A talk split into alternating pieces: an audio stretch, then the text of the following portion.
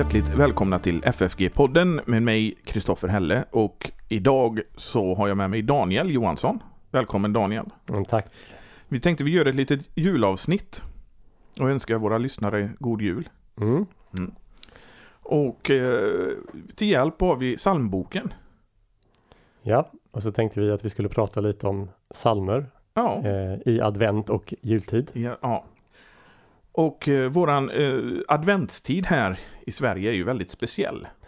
Ja, och framförallt är det väl eh, första söndagen i advent som, som i Sverige har blivit en så stor högtid och åtminstone förr i tiden kunde samla eh, enorma skaror med människorna i kyrkorna. Ehm, och, och, och framförallt så har, ha, har väl det med vår, våra salmer och vår kyrkomusik att göra där vi i Sverige har utvecklat vad jag tror är mer eller mindre en unik tradition. Man, man kan väl inte ens komma till kyrkan första advent utan att man, man, man får hö, sjunga och vara med i Bered en väg för Herran till exempel. Som ju är en svensk psalm.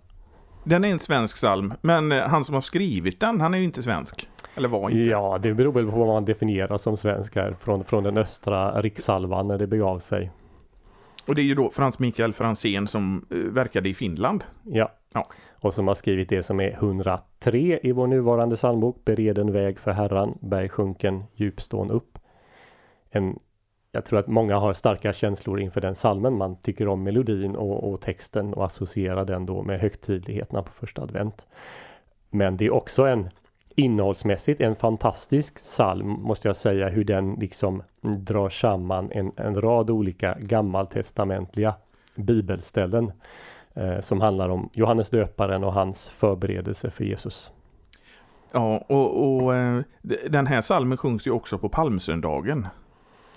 Ja, om den gör det. Den skulle kunna göra det eftersom det handlar om det. Men, Ja. men, men eh, jag vet inte, jag har aldrig varit med om att sjunga Jo, den jag har varit med om. Det har du varit? Ja, det. Okej. Någon, Ja. någon gång Ja. Eh, så har den sjungits på eh, palmsöndagen. ja, det är ju samma läsningar. Båda handlar om hur Jesus rider in i Jerusalem. Ja.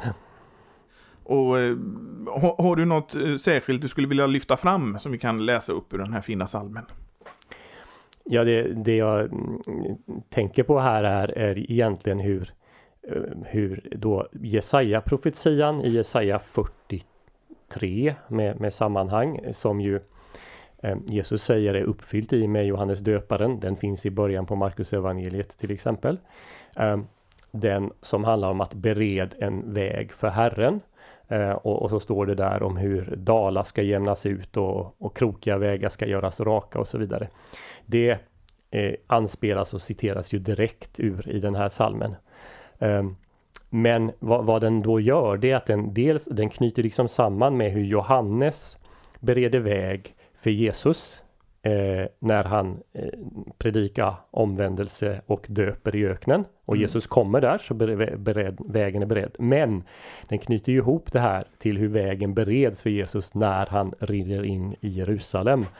Ehm, och så att, men, men båda de här händelserna, Jesus vid Jordan och förberedelsen där och hur människor bereder väg för Jesus på väg in i Jerusalem eh, knyts ihop här och, och det är, tror jag, det är djupt bibliskt att göra så. Det är, det är så saken framställs, till exempel hos, hos Markus. Han vill att vi ska se de här sakerna tillsammans. Mm.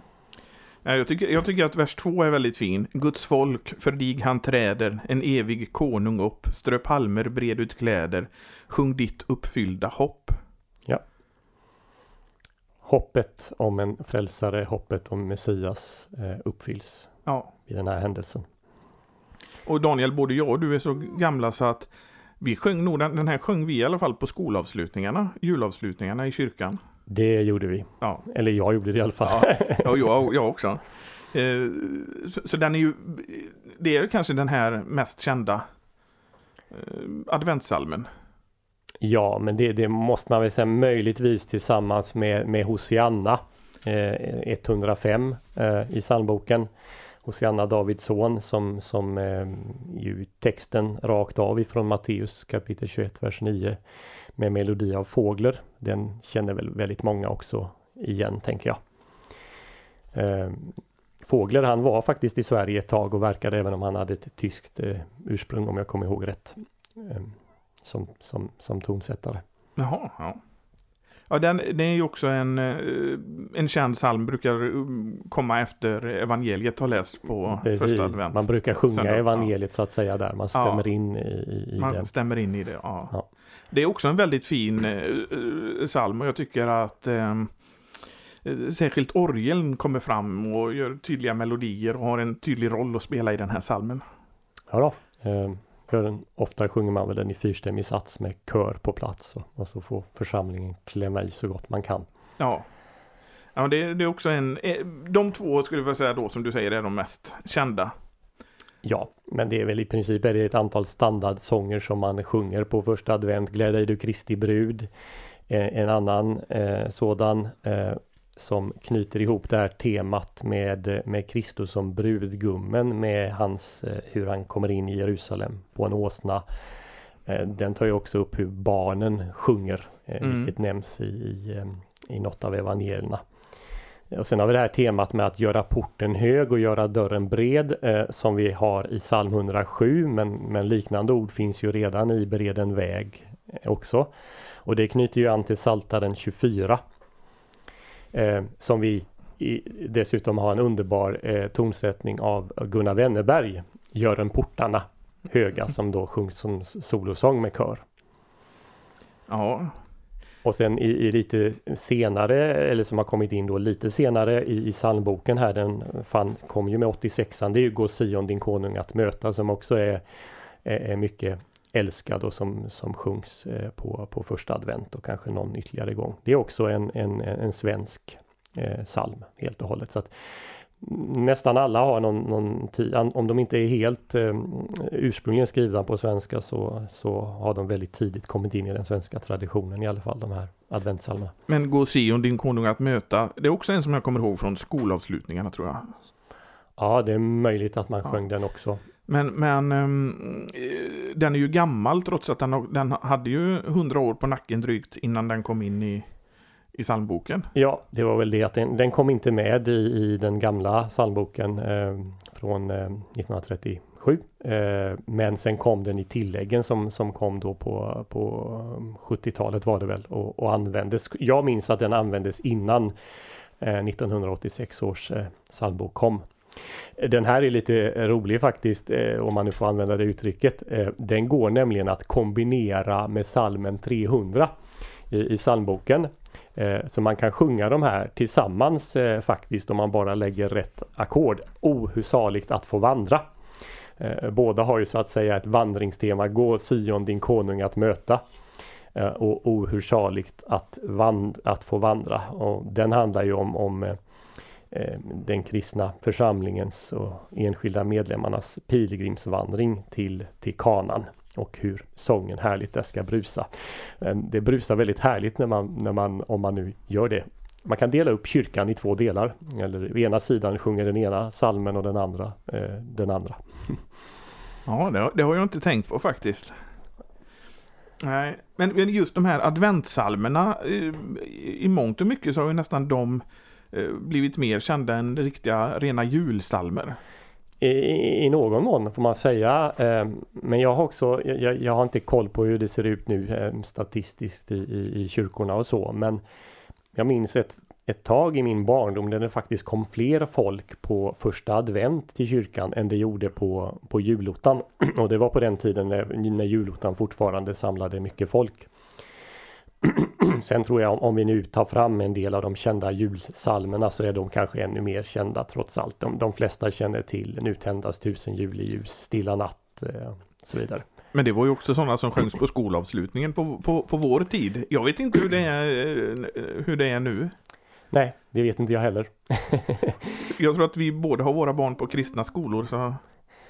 Eh, ja, det har inte jag, men, men, men jag, eh, jag vet inte hur det är. Och man gjorde ju julspel också och då sjöng man också de här sångerna. Jag tycker tendensen här är, är ju att man kanske använder de här sångerna men så gör man små justeringar i innehållet och tar bort det som ger det ett tydligt eh, Kristuscentrerat eller gudscentrerat och byter ut det mot allmänna ord. Jag vet en präst som sa att eh, det var en skola som kom till, till den kyrkan han var präst och eh, han fick eh, restriktioner på vad han fick säga. Men sen så gjorde de ett eget eh, julspel som då enligt hans eh, definition var superkristet. ja. Om han skulle säga det så skulle det bli, bli konsekvenser, men de fick göra det. Så, att, ja, det, så kan, det finns ju den varianten så. också. Många av våra julsalmer innehåller ju väldigt, ska vi säga, djup eh, teologi. Eh, och Mm. inte minst, inte minst eh, beskriver de inkarnationen eh, på ett eh, fantastiskt sätt. Man kan ju tänka så här att eh, nu tändas tusen juleljus till exempel, att den inte eh, ja, den bara ger en sån här allmän god julstämning. Det tycker jag den ger. Jag tycker den är väldigt vacker och, att både sjunga och, och spela. Men Den andra versen är mycket tydlig med vad det här handlar om. Att julens glada bud det är att Herren Jesus Krist är född och så kommer denna bekännelse som liksom verkligen går tillbaks till fornkyrkans stora bekännelse. Vår frälsare och Gud. Och Gud, ja.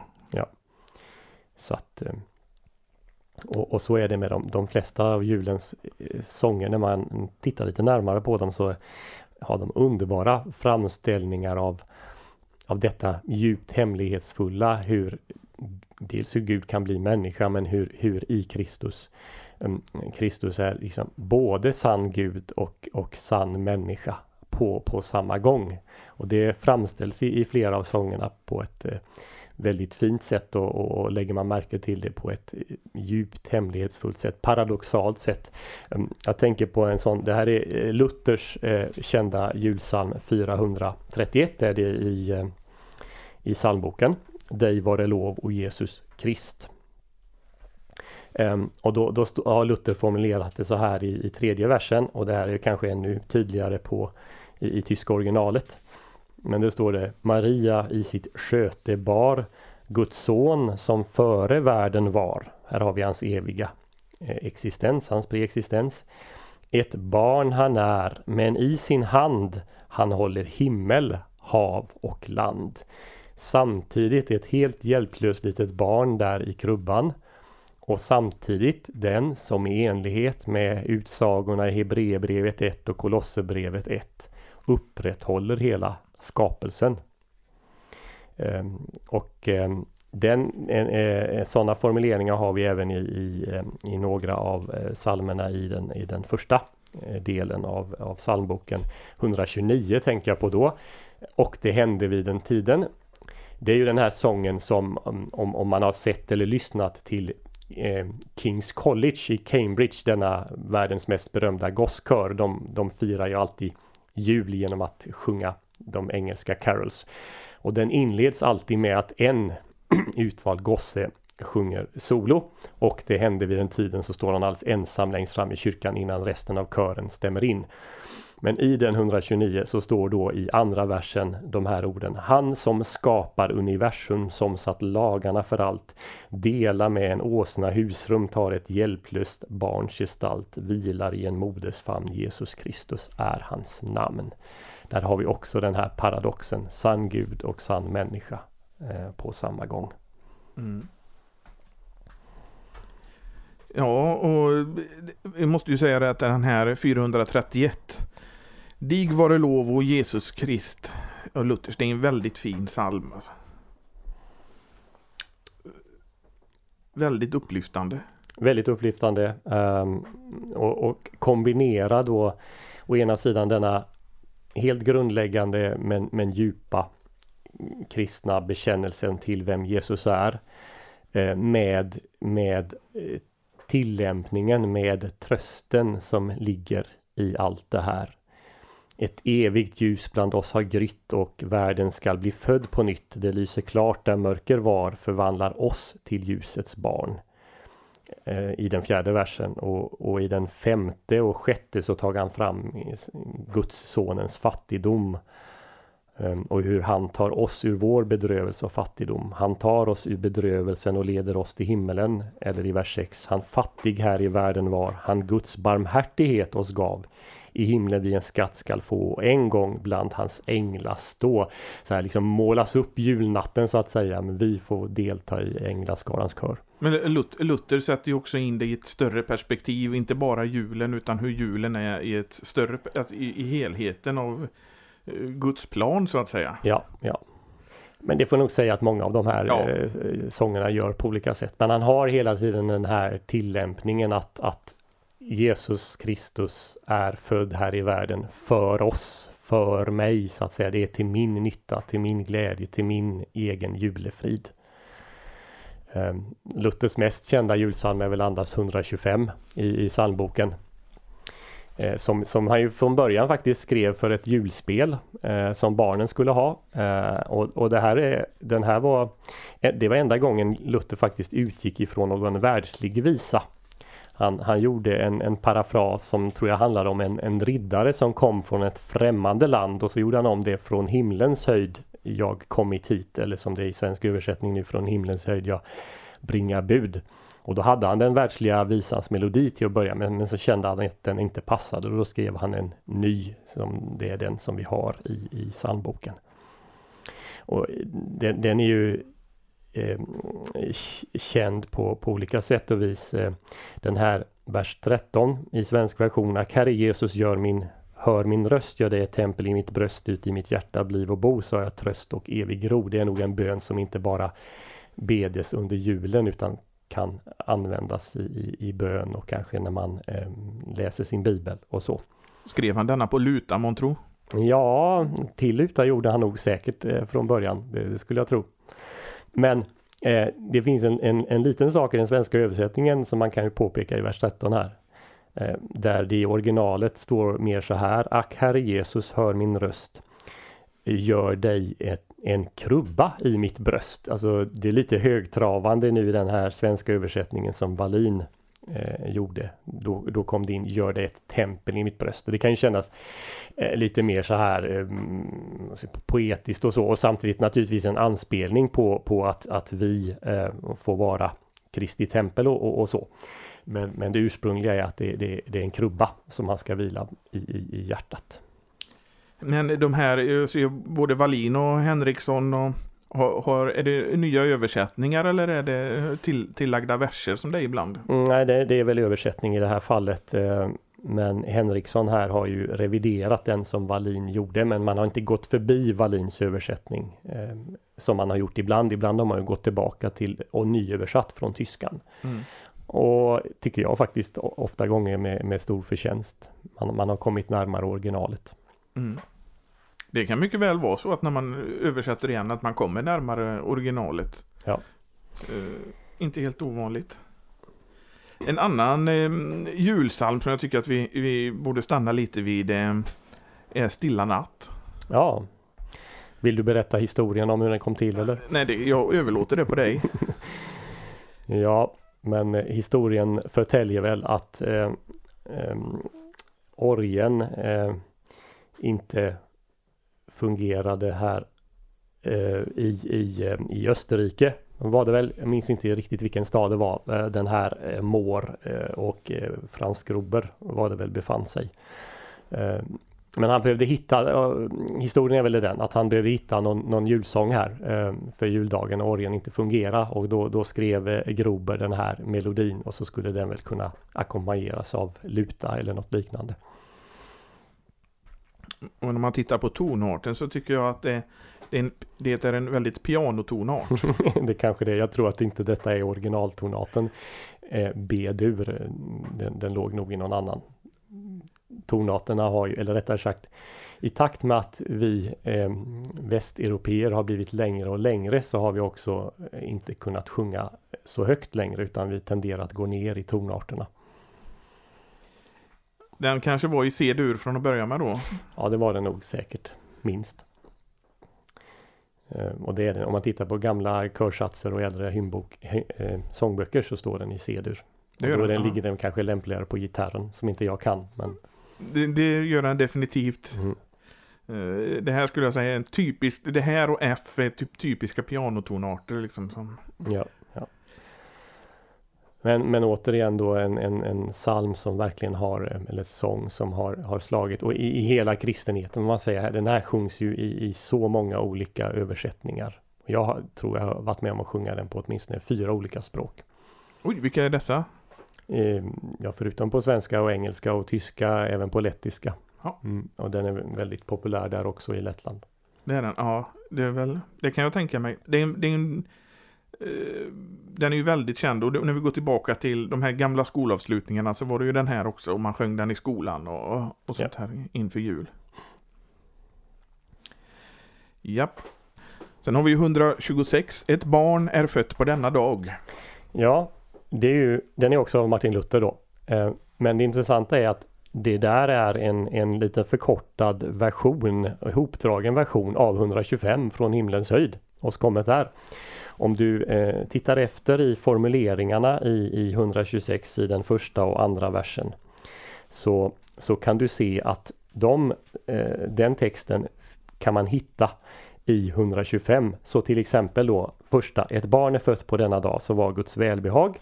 Eh, då titta på 125 vers 2. Den börjar så. Ett barn är fött på denna dag så var Guds råd och välbehag. Det föddes av en jungfrufä, Guds son, eh, det barnet är. Det har du vers 2. Eh, så, så de hänger ihop och sen har vi den här andra versen i 126 om världen ännu större var av guld och pärlor klar. Eh, och så vidare. Ja, det motsvarar vers 10 i 125. Så att eh, det är samma ord återanvända, eh, förkortade, lite omkastade men två olika melodier. Ja, det, det, så går det att göra också. Ja. Annars brukar det vara melodierna som återanvänds. Ja, men här är det nästan tvärtom då. Sen har vi psalm 122. Det är ju den ja. dagen är kommen. Ja, och den är väl, den är väl underbar. Mm. Vi har inte så många psalmer i vår psalmbok som så här tydligt handlar om, om inkarnationen, alltså att, att, att Kristus är sann Gud och sann människa. Eh, vi har några stycken som sagt här under jultiden, men om man, om man vill sjunga en psalm om den här saken i andra delar av kyrkåret så vill man nog gärna ta fram just psalmen 122. Eh, för efter, efter inledningen som beskriver dagen som nu är inne för hans födelse och en allmän eh, allmän uppmaning till lovsång. Och här används ju herdarnas ord. Kom låt oss skynda till Betlehem och hur han är hälsad av änglar. Och så, så kommer det här med tillbedjan. Eh, så är ju i, i hög grad eh, vers 2 och 3. Det är den nicenska trosbekännelsen. Gud av Gud fader, ljus av ljusens källa, människoson av Maria född. Jag tänker vers 3 också är Johannesprologen. Johannesprologen i vers 3. Ordet blev kött och tog sin boning ibland oss. Johannes 1.14. Kom till vår jord, Kristus är hans namn. Och så beskrivs då, och det är också fortsättningen på prologen Så Gud sig härlig för all världen visa. Vi ser hans härlighet i den enfödde sonen. Och, eh, och så, eh, så fortsätter det då med, med lovsången i vers 4. Eh, alla ska instämma i detta. Eh, och så avslutar ord igen då evige fader, evig är din strålgräns. Och samtidigt säger man, och denna underbara paradox, det evigt är ljuset från Betlehem för där befinner sig faderns son. Evigt lyser glorian över barnet. Det är värt att tänka på och inte bara, bara mm, stämma in i orden utan tänka efter vad de, vad de handlar om. Precis. Och det kan vi ha som eftertanke till våra lyssnare denna jul att verkligen tänka efter och vad, vad handlar de här salmerna som vi sjunger om? Mm. Och så får vi ta de här sista orden, refrängen i den till en uppmaning till oss alla. O kom låt oss tillbedja, O kom låt oss tillbedja, O kom låt oss tillbedja vår Herre och Gud skulle jag vilja, för så stod det i den äldre översättningen. Ja, jo precis. Och då har vi tre, treenigheten tre gånger där. Det kanske är det, en det anspelning det. på det. Ja. ja. Då önskar vi god jul och gott nytt år till våra lyssnare. Ja. ja. Och då tackar vi för oss. Hej!